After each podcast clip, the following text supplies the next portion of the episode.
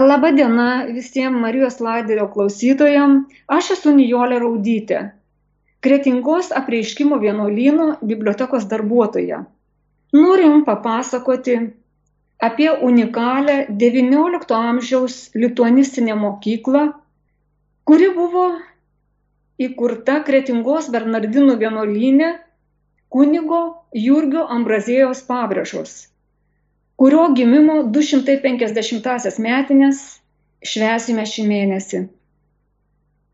Po buvusios abiejų tautų respublikos išsivadavimo iš Rusijos imperijos sukilimo 1830-31 metais buvo uždarytas Vilniaus universitetas bei daugelis mokyklų, krašte vietoj Lenkų įvesta rusų kalba, 1843 metais buvo sukurta Kauno gubernija, apimanti ir istorinę Žemaitiją.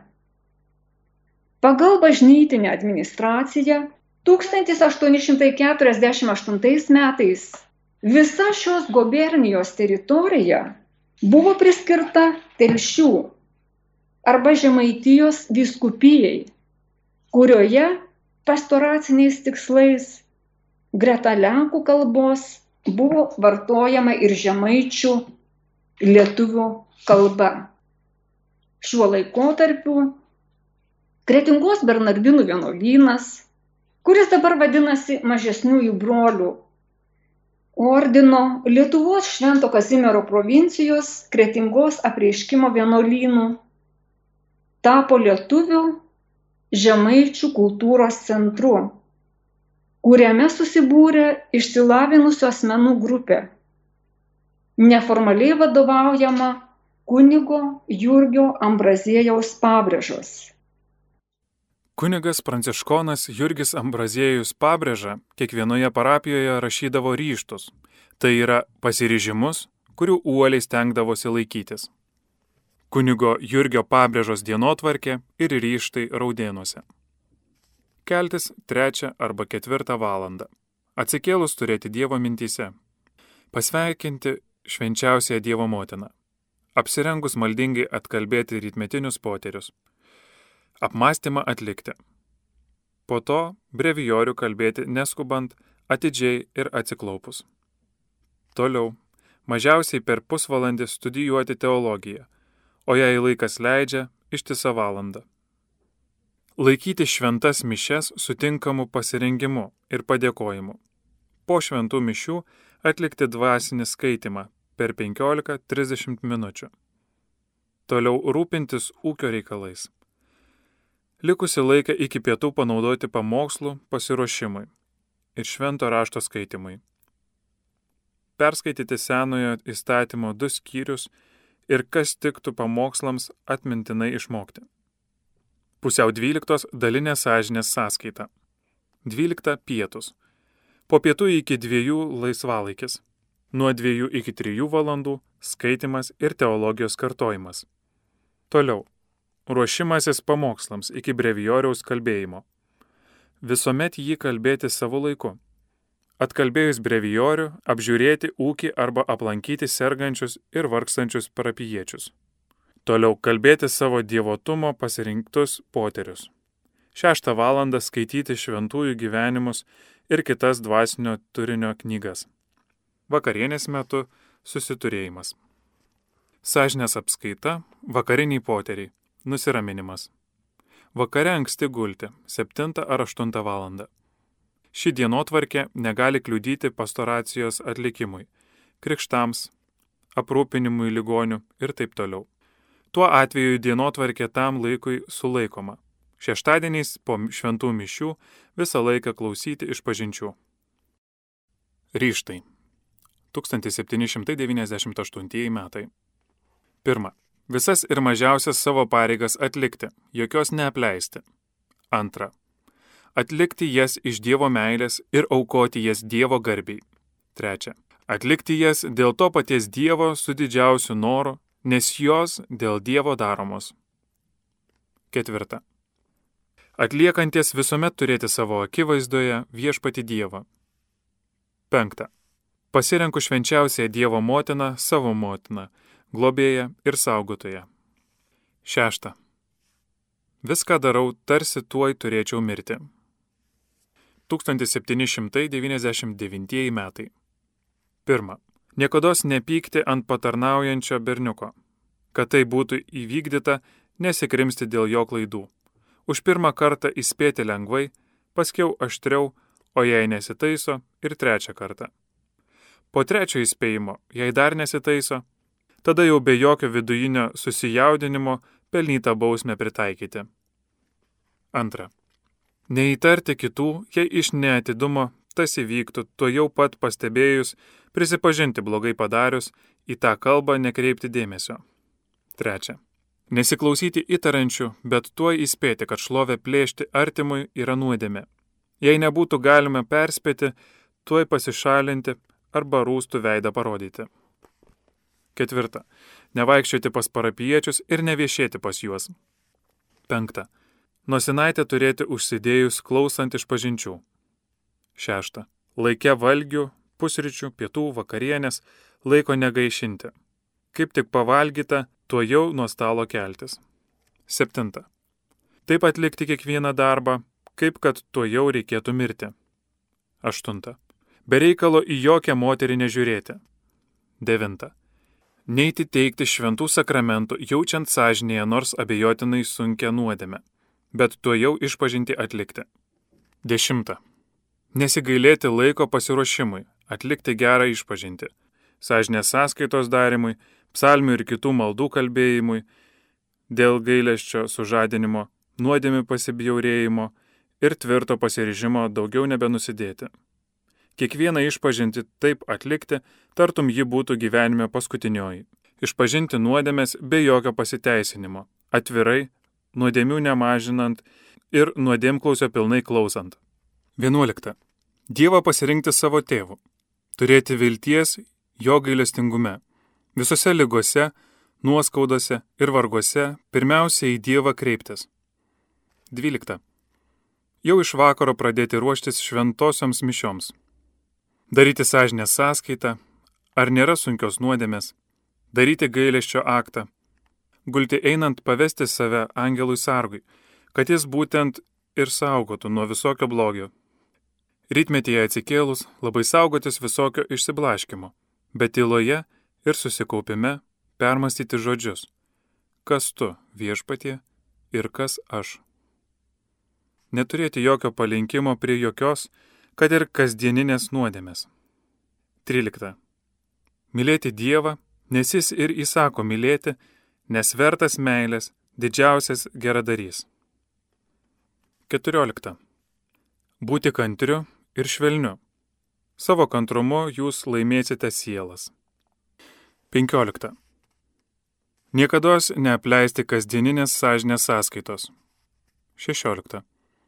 Kad šių pasiryžimų nepamirščiau, kasdien juos perskaityti ir šiais ar panašiais žodžiais į viešpatį kreiptis. Tėve mano, padėk man, kad tai išpildyčiau, ką aš tau pažadėjau. Sau užsidėtos bausmės. Pirma. Už kiekvieną supykimą sukalbėti rankas laikant į aukštį iškeltas penkis poterius. Jei galima, to jau po nusikaltimo. Antra. Už kiekvieną artimo įtarimą mintimis nežinomame dalyke, tris kryželius išlaižyti žemėje. Trečia. Už kiekvieną apkalbančiųjų neperspėjimą padaryti gailesti ir dievotai sukalbėti septynis poterius, prašant Dievą nuodėmės atleidimo ir pasitaisimo. Ketvirta. Už kiekvieną artimo apkalbėjimą tikrame dalyke, bet nežinomame, duoti vargšams dvi dytkas ir atkalbėti septynes atgailos psalmes kitose įtarimuose pasielgti taip, kaip pasiryžimuose nustatyta. Penkta. Už kiekvieną nereikalingą išėjimą į parapiją vieną dieną pasninkauti. Šešta. Už kiekvieną neužsidengimą nosies klausant iš pažinčių po bausmės disciplina. Septinta. Už kiekvieną veltui laiko praleidimą prieš ir po valgių padaryti Dievo akise gailestį. Aštunta už kiekvieną bereikalai moteriškę pažvelgimą daryti gailesti ir tris poterius sukalbėti. O už kiekvieną nereikalingą su moteriške vienas su viena pabuvojimą padaryti gailesti ir nešioti grasos juostą per pusvalandį. Be to, jau iš vakaro nusistatyti, ar reikalingas rytmetyje išpažinties atlikimas. Siekiant apsaugoti konkrečius išlikusius Jurgio Ambrazėjaus pabrėžos ir jo mokinių rankraštinius tekstus, dokumentai buvo surinkti į neformalios lituanistinės mokyklos, veikusios kretingos Bernardinų vienuolynę kolekciją. Kolekciją sudaro 134 popieriuje surašyti dokumentai lietuvių, lenkų ir lotynų kalbomis. Kai kurie vienetai yra pasirašyti, datuoti ir taip juos buvo galima identifikuoti. Ši kolekcija 2019 metais yra pripažinta nacionalinės reikšmės dokumentinio paveldo objektu ir įrašyta į UNESCO programos Pasaulio atmintis Lietuvos nacionalinį registrą. Kretingos vienuolynas XIX amžiaus pirmojoje pusėje aktyviai vykdė kultūrinę veiklą. Kunigo Jurgio Ambrazėjaus pabrėžos ir jo mokinių arba sekėjų pastangomis buvo sukurtas lietuvių, tai yra žemaičių bendrinės standartinės bei literatūrinės kalbos projektas. Tačiau labai gaila, kad jis nebuvo tuo metu įgyvendintas. Ir šiandien apie ją byloja tik išlikę rankraštiniai tekstai ir moksliniai darbai. Nes tuo metu daugelis jų taip ir nebuvo paskelbta. Dėrėtų pabrėžti, kad paties Jurgio Ambrazėjaus rankraščiai į neformalios lituanistinės mokyklos kolekciją yra neįtraukti. Įtraukti tik jo mokinių ir sekėjų rankraščiai. Kunigas Jurgis Ambraziejus pabrėža, buvo tikras spiritus movens. Jis buvo idėjinis vadovas ir ideologas šios mokyklos. Matome, kad šiandien dėmesio kunigui, Bernardinų vienuolynų vienuoliui, trečiojo ordino pranciškonui, Jurgiui Ambrazėjui pabrėžai, kultūros istorikai visada skyrė nemažai. Pirmasis jo ortografijos tyrimą paskelbė kalbininkas Antanas Salys, straipsnė apie kretingos vienuolyno lietuviškus rankraščius. 1927 metais Pabrėža yra sulaukęs trijų monografinių studijų. Tai Petro Ruškio studija likusi rankraštyje, parašyta 1938 metais. Juozo Tarvido darbas apie Jurgio Ambraziejų pabrėžą, parašyta sovietmečių 1971 metais Kretingoje, buvo sunaikintas ir stambiausias kapitalinis darbas tai yra Viktoro Gidžiūno monografija Jurgis Ambraziejus pabrėža. Šį darbą 1993 metais paskelbė Lietuvių katalikų mokslų akademija. Vėliau, atgavus Lietuvą nepriklausomybę, 1996 metais pasirodė ir kitas darbas skirtas Jurgiui Ambraziejui pabrėžai. Tai Giedriaus Subačiaus kalbos istorijos studija Jurgis Ambraziejaus pabrėžas ir jo žemaičių kalba. Norėčiau pristatyti keletą faktų iš Jurgio Ambraziejaus pabrėžos biografijos. Jis gimė 1771 metais, sausio 15 dieną, Večių kaime, netoli rinkimų Simono Daukantų tėviškės Skuodo rajone 1786-91 metais jis mokėsi Kretingos gimnazijoje. Vėliau išvyko studijuoti mediciną, botaniką ir teologiją Lietuvos didžiosios kunigaikštystės vyriausioje mokykloje. Ir ten mokėsi nuo 1791 iki 1794 metų. Vėliau jis išėjo dalyvauti Tado Kostiuško sukilime ir taip į Vilniaus universitetą į medicinos studijas nebegrįžo. 1794-aisiais jis įstojo į Žemaičių kunigų seminariją Varniuose, o po dviejų metų jau buvo išventintas kunigų.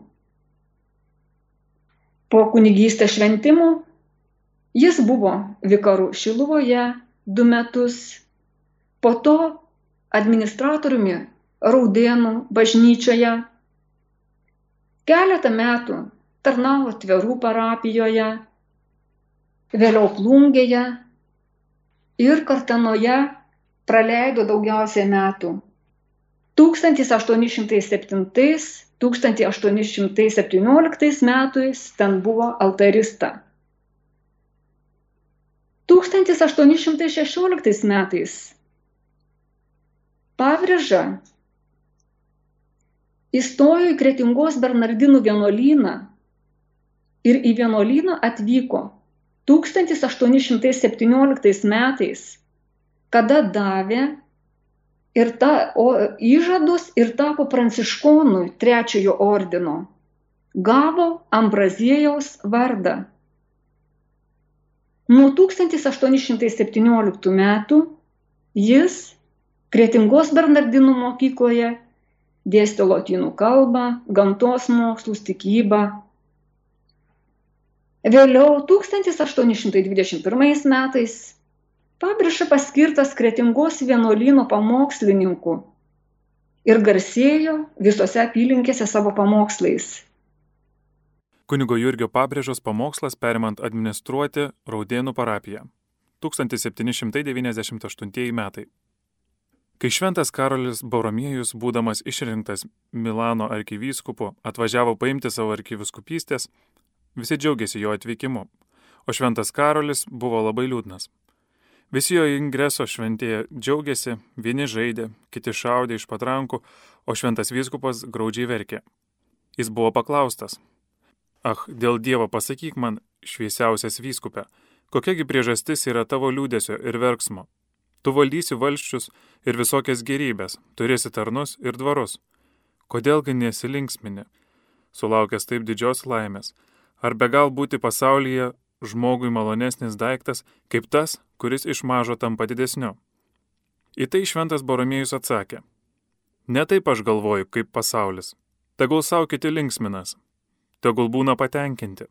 Aš ant savo pečių turėdamas uždėtas tokias sunkes pareigas negaliu susilaikyti nuo ašarų, nes suprantu, jog už visos arkiviskupystės dvasę turėsiu Dievui duoti apyskaitą. Mėliausiai mano nauji parapiečiai, Prisipažįstu jums, jog man priimant Raudėnų parapijos valdymą ir ūkininkavimą buvo pilnos akis ašarų. Dėl ko? Dėl to, jog iš vikaro pareigų, kur tik tai savo ir tų, kurie pas mane ėjo iš pažinties, ieškojau išganimo, liepė būtinai persikelti ir būti tos parapijos užvaizda, kur yra apie 1200 tikinčiųjų sielų, O žinau gerai, jog už kiekvieną sielą, jei kuri mano valdymo metu saugok Dievę, nueis į pragarą, man reikės Dievui atsakyti. Na, kaip tad neverkti? Sutvirėjau mano, už ką mane tai baudė? Už tai, jog tau prisakiau per Ezekielį pranašą tais žodžiais, jei man sakant bedieviui, mirte mirsi, tu jam neapskelbsi ir nekalbėsi, kad jis grėžtųsi nuo savo bedieviško kelio ir būtų gyvas. Tas bedievis mirs savo neteisybėje.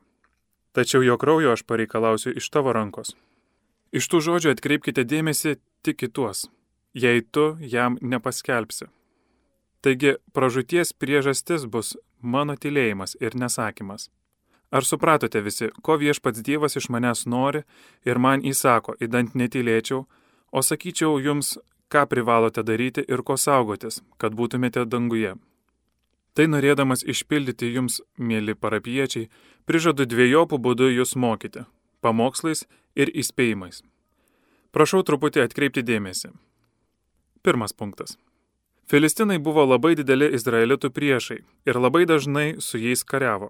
Bet ne tiek karu, kiek apgaulė izraelitams kenkė. Filistinai išpirko visus karo ginklus, negana to, dar visus ginkladerbius, įvairiais būdais pas save atsikvietė. Ir taip izraelitai ginklų neturėdami visuomet buvo filistinų sumušti. Taip pat elgėsi ir šetonas, norėdamas nuvesti į amžiną pražūtį. Ką jis daro? Pirmiausia, jis stengiasi iš tikinčiųjų žmonių atimti ginklą, tai yra Dievo pažinimą ir reikalingus pamokslus. O jei tas jam pasiseks, jei jis apakins tikinčiųjų žmonių protus, jau tuo jis daug laimės. Ir dėl to, kad šitonas pats nieko negali padaryti, naudojasi savo nedorais žmonėmis, įdant pamokslai ir kiti pamokymai būtų katalikų tarpe panaikinti. Taip darė šetonas per Nabokotnacarą, Antijochą, Deuklicijaną, Julijoną apostatą ir kitus, kurie užgynė mokyti Dievo teisės.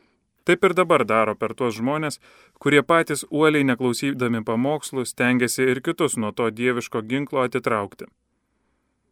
Dėl ko tai šetonas tengiasi padaryti? O dėl to, įdant žmonės nežinodami nusidėtų ir į pragarą patektų, kaip pranašas Ozėjas tvirtina sakydamas, pikdžodžiavimas, žmogžudystė, melas ir svetimoterystė įsigalėjo. O iš kur tos baisios nuodėmės atsirado? Atsako tas pats pranašas, jog tai kyla iš nežinojimo. Mano mėliausi parapiečiai, nesakau, kad jūs nežinote sielos išganimo dalykų, saugok Dievę, Spėju, kad jūs žinote tikėjimo tiesas, visi mokat poterius ir kitus dalykus, nes gerai žinau, kad buvusysis administratorius, kurio įpėdinis aš esu, kurio pasitraukimo visa parapija labai gailisi ir jam buvo paklusni, savo avis kuo geriausiai saugojo ir jūs kaip savo aveles jam pavestas išmokė, ko tikrai mokėti reikia. Sakau tai įdant parodyčiau, kaip sunku yra būti piemeniu nes jam reikia mokyti krikščioniškų pareigų. Aš dabar esu tos bažnyčios administratorium ir vienkart jūsų visų piemenių. Tad vyresnybės parėdimų man reikia pamokslų šviesa geriau apšviesti tuos, kurie nemoka arba užmiršo išmokyti. Bet argi aš vienas tai pajėgsiu? Ach, jūsų pagalbos prašau, o gimdytojai, jūs man padėkit šeimininkai, kurie valdote kitus Ne vaikai stokime prieš tą priešą nežinojimą. Gimdytojai veskite savo vaikus į bažnyčią, į pamokslus. Jūs šeimininkai, savo šeimyną mokykit, ką patys mokat.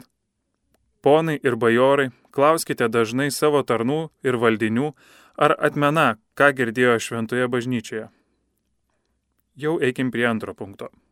Antras punktas.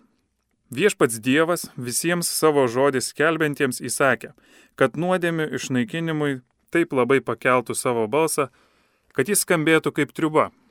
Dėl kogi pamokslininko balsas prilyginamas triubai? Dėl to, kad tai pasakyta šventajame rašte. Ne vienas miestas taip stebuklingų būdų nebuvo paimtas kaip Jeriko miestas, nes be jokio ginklo ir karo jį paėmė izraelitai. Gal norite žinoti kaip? Ogi taip. Viešpats Dievas Juozuje įsakė, įdant su kunigais, visi šaukdami ir triubas pusdami, septynis kartus apeitų apie miestą. Kaip tik tai septynis kartus apėjo aplink miestą, visi bokštai ir vartai sugriuvo, o miestas izraelitams teko. Pagal vieną šventą pamokslininką, Jeriko tvirtovė reiškia velnio miestą. Mumise yra to velniško miesto bokštai, pikti pageidimai ir nuodėmis kaip tai puikybė, godumas, paleistuvystė ir kiti. Ką tada reikia daryti, įdant tas miestas, tas nuodėmių lizdas būtų išnaikintas? Reikia triubos, reikia pamokslininko balso, įdant sugriūtų šitono mūrai, kaip sako šventas Augustinas. Dėl to, mano mėly parapiečiai, atleiskite man ir nepykite, kad aš iš tos sakyklos nelinksmų balsu, bet kaip triuba, labai dideliu balsu pamoksluose jūs bausiu ir grasinsiu baisiausiu viešpatės Dievo teismu, nes dabar jau vos tik dešimtį dienų toj parapijoje gyvenu, o jau ne tik tai girdėjau, bet ir pats savo akimis mačiau girtų žmonių, jog čia atsiranda tarp kviečių ir raugių. Tai yra, jog čia atsiranda tarp gerų, labai didelių nusidėjėlių, kaip tai paleistuvių, nesantaikų kelėjų, tvilinka liežuvių, artimo šlovę plėšiančių. Girdėjau ir pats asmeniškai tarp jūsų mačiau iš moteriškų vaikščiojant nekukliai, be šniuravonių, be prijuoščių. Lig laiku pasakau, kad visi žinotumėte, jog jei kas iš jūsų nemylės viešpaties Dievo ir nesistengs nuodėmių saugotis, paskelbiu iš anksto, jog aš to žmogaus būsiu didžiausiu neprieteliu, pakol neišvysiu to žmogaus nuo širdžios atgailos, nes netinka tą žmogų laikyti prieteliu, kuris yra Dievo neprieteliu. Nemanykit savo, jog tai darysiu iš piktumo. Ne, klausytojai, ne viešpatė Dieve, saugok mane nuo to, bet tai darysiu jūs mylėdamas ir jūsų sielų išganimo trokšdamas, o taip pat labai bijodamas Dievo teismo, kurio sulauksiu, jei nepildysiu savo pareigų. Bet ir jūs patys, mėly parapiečiai, stenkite su manimi ir kits kitą padrasindami stenkimės visi išnaikinti nuodėmės toje parapijoje. Ir dėl to sakau kiekvienam iš jūsų, Mozės žodžiais. Kas tik turi Dievo malonės kibirkšti, tegul su manimi jungiasi, įdant išnaikintume nuodėmę. Šeimininkai, žiūrėkite, kas jūsų namuose dedasi Gimdytojai, žiūrėkite, su kokiais asmenimis jūsų vaikai draugauja. Ponai ir bajorai, tegul stengiasi sužinoti, kas dedasi tarp jų dvariškių, kas vyksta tarp samdinių, tegul patys duoda gerą pavyzdį, tegul neleidžia piktų draugyščių, tegul baudžia už papildytus negražius darbus. Aš iš savo pusės, kaip apsiskelbiu, stengsiuosi ir prižadu sergėti ir bausti kiekvieną piktą darantį. Bet tik aš dar netikiu, kad jūs tai išpildytumėte. Dėl to prašau jūsų čia viešpatės Jėzaus akise prisipažinti, ar dirbsite su manimi, ar kiekvienas atliksite savo pareigas. Ar matydami piktai elgiantis patys negalėdami pataisyti, pranešite man. Ar tikrai pasižadate? Viešpatie geriausias, tu matai mano parapiečių širdis, pasižadame tau visi, visi kartu, jog ne tik tai patys nusidėti saugosimės, bet dar ir kitus negerai darančius pataisyti stengsimės. Bet kad visos mūsų pastangos be tavo Dievio malonės nieko nereiškia, dėl to visą palikęs einu prie tavęs, tavo pagalbos prašydamas. Juk tu, viešpatie, geriau žinai, tu pats vyresnybės asmenyje man liepiai, įdant aš sėdėčiau ir būčiau toje parapijoje. Duok tad man tokią malonę, kokią davei savo vyskupui šventam Martynui, kuris dėl Dievo nesibijojo visų didžiausio darbo. Ach, kaip aš būčiau laimingas, kad mirdamas ar išeidamas iš šios parapijos apie savo parapiečius galėčiau sakyti Dievui, kurios viešpats Jėzus sakė savo dangiškajam tėvui. Viešpatė, avelių, kurias atidavė į mano rankas, nepražodžiau nei vienos. Tai duok viešpatė Dieve. Amen. Bernardinų vienuolynė jis atsidėjo moksliniai veiklai, homiletikai, praktiniai medicinai ir farmacijai. Buvo žinomas kaip liaudės medicinos žinovas.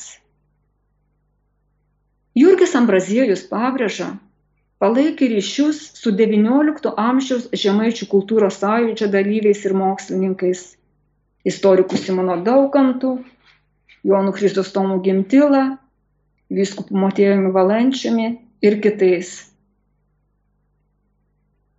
Jurgis Ambraziejus pabrėža šiandien yra laikomas lietuvių botanikos tėvų Jis yra kapitalinio, sisteminio, didžiausio per visą XIX amžių. Lietuvos mokslo istorija botanikos veikalų pavadinimu Taislius auguminis, parašytų 1843 metais Kretingos vienuolynė, lietuviškai žemaičių tarme. Šiame veikale Jis sukūrė ir pagrindė lietuvišką botanikos mokslo terminiją, vartojama iki šiol. Knyga pirmą kartą buvo išleista tik 1900 metais Junktinės Amerikos valstijose. O Lietuvoje 2008 metais rankraštis įtrauktas į UNESCO pasaulio atminties nacionalinį registrą ir išleistas stambiais veikalais. Svarbus taip pat yra Jurgo Ambrazėjaus pabrėža sudarytas stambus Lietuvos augalų herbariumas, kuriame yra 800 pavadinimo augalų. Jis dabar yra saugomas Vilniaus universiteto gamtos mokslų fakultete. Pabrėža taip pat yra pirmojo lietuviško, parašyto žemaitiškai geografijos vadovėlio, kuris vadinasi Geografija arba Žemių rašts autorius. Ir galima teikti, kad tai ko gero yra pirmasis lietuviškas vadovėlis to meto tarp visų gamtos mokslų. Ir jis 2019 metais buvo publikuotas pabrėža, kaip vienuolis ir kunigas yra reikšmingos dvasinės literatūros ir pamokslų rinkinių autorius. Didžioji jų dalis išlikusi, saugoma Lietuvos muziejuose, tokiuose kaip Žemaičių viskupystės, Kretingos, Telšių. Įvairiose Lietuvos didžiosiuose bibliotekose, Vilniaus universiteto, Lietuvos mokslo akademijos Vrubliauskių Lietuvos nacionalinėje Martino Mašvido bibliotekoje. Pabrėža taip pat yra žinomas kaip ir literatas. Jo eilėraščiai lenkų ir lietuvių kalbomis, tokie kaip Esu savo žmogelis, šarpus kožname darbe ir kiti yra tapę liaudės dainomis. Lietuvos kultūros istorijai. Jurgis Ambrasėjus pabrėžas svarbus kaip XIX amžiaus bibliofilas savo daugiau kaip 400 tomų biblioteką, kurioje vyravo botanikos, praktinės medicinos, teologijos veikalai. Pradėjo komplektuoti vikaraudamas. Knygas įsiūsdavos iš Vilniaus, Rygos, Sankt Peterburgo. Bibliotekos dalis yra išlikusi ir ji saugoma Vilniaus universiteto, Kauno apskrities viešojoje bibliotekoje Kauno technologijos universiteto bibliotekoje bei yra likusi ir asmeninėse kolekcijose. Norėčiau keletą žodžių dabar paminėti apie pirmąjį bendrinės kalbos projektą. Kaip minėta, Jurgis Ambraziejus pabrėža, kartu su savo sekėjais sukūrė lietuvių žemaičių bendrinės kalbos projektą, kuris darė įspūdį savo užmojų didžiu Ir šiandien galim išskirti tris pagrindinius. Jo kalbos ir sukurtos originalios rašybos idėjas perėmusius sekėjus ir pagalbininkus, kurių teksto išliko iki šiol. Tai kunigai Simonas Grosas, Juozapas Butavičius ir Simfonijus Žabakevičius. Į saugotiną kolekciją įtraukti pagal specifinę Jurgo Ambrazijos pabrėžos rašybą jo mokinių parengti ar perrašyti šie pagrindiniai veikalai. Tai Simono Groso kalbrėda liežuvio žemaitiško, tai yra gramatika. Ir 3000 žodžių lenkų žemaičių kalbų žodinėlis. Rankraštis parašytas 1835 metais Kitas objektas yra Juozo Butavičiaus parengtas Simono Daukanto istorijos žemaitiškos nuorašas. Tai yra per tūkstantį puslapių 1834-5 metais parengtas darbas. Trečiasis objektas yra Simfronijaus Žabakevičiaus lietuviški pamokslai kurių išliko 121.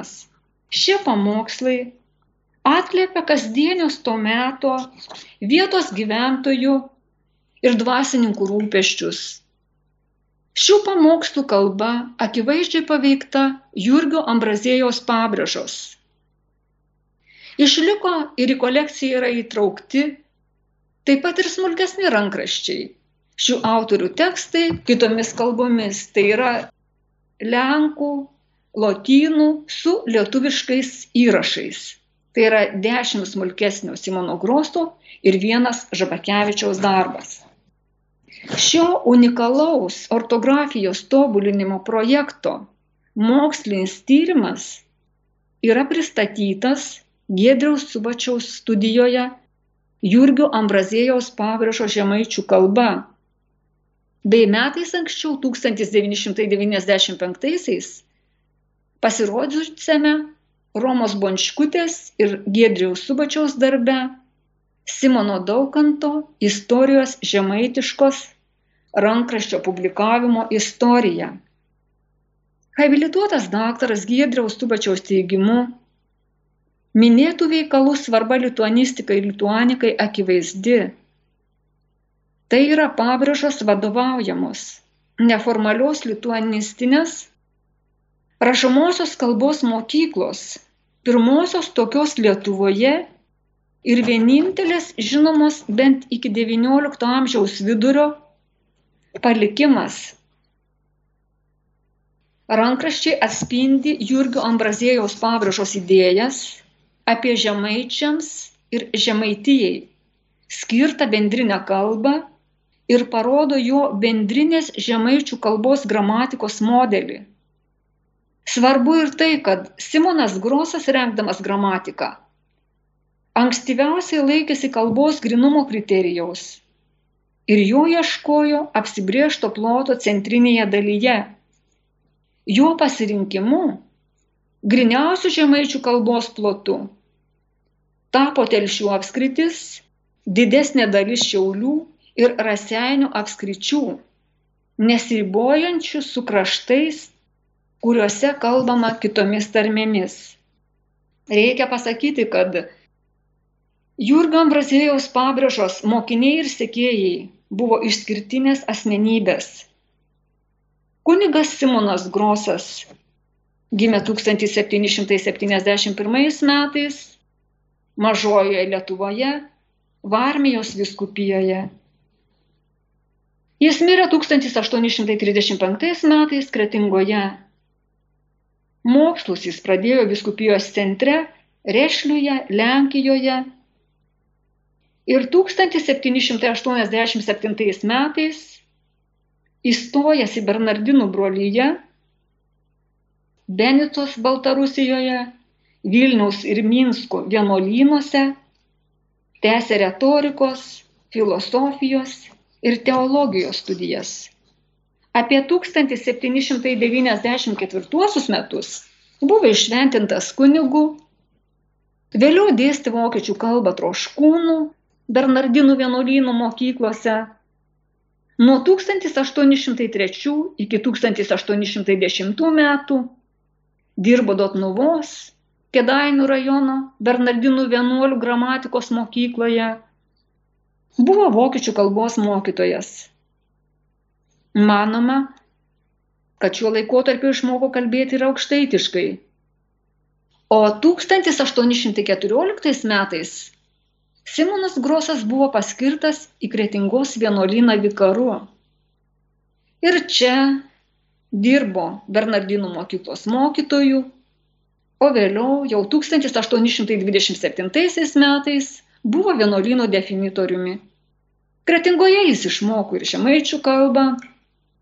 1835 metais jis parašė gramatiką kalbrėdą liežuvę žemaitiško kurioje bandė fiksuoti Jurgio Ambrazijos pabrėžos kuriamos bendrinės žemaičių kalbos, pagristos šiaurės žemaičių daunininkų pratarmę, rašybą, fonetikos ir morfologijos normas. Tyrėjai rankraščio tekste pastebėjo tarmių, aukštaičių ir žemaičių derinimo tendencijas.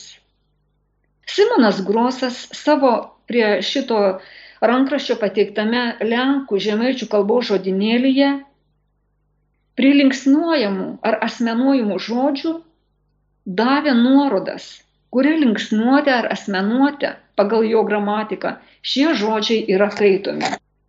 Siekiant išsaugoti kolekcijos rankraščius ir sudaryti didesnę galimybę vartotojams susipažinti su šiais UNESCO nacionalinio registro dokumentais, ateityje jie bus skaitmeninami.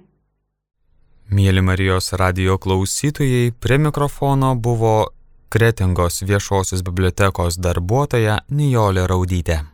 Likite su Marijos radiju.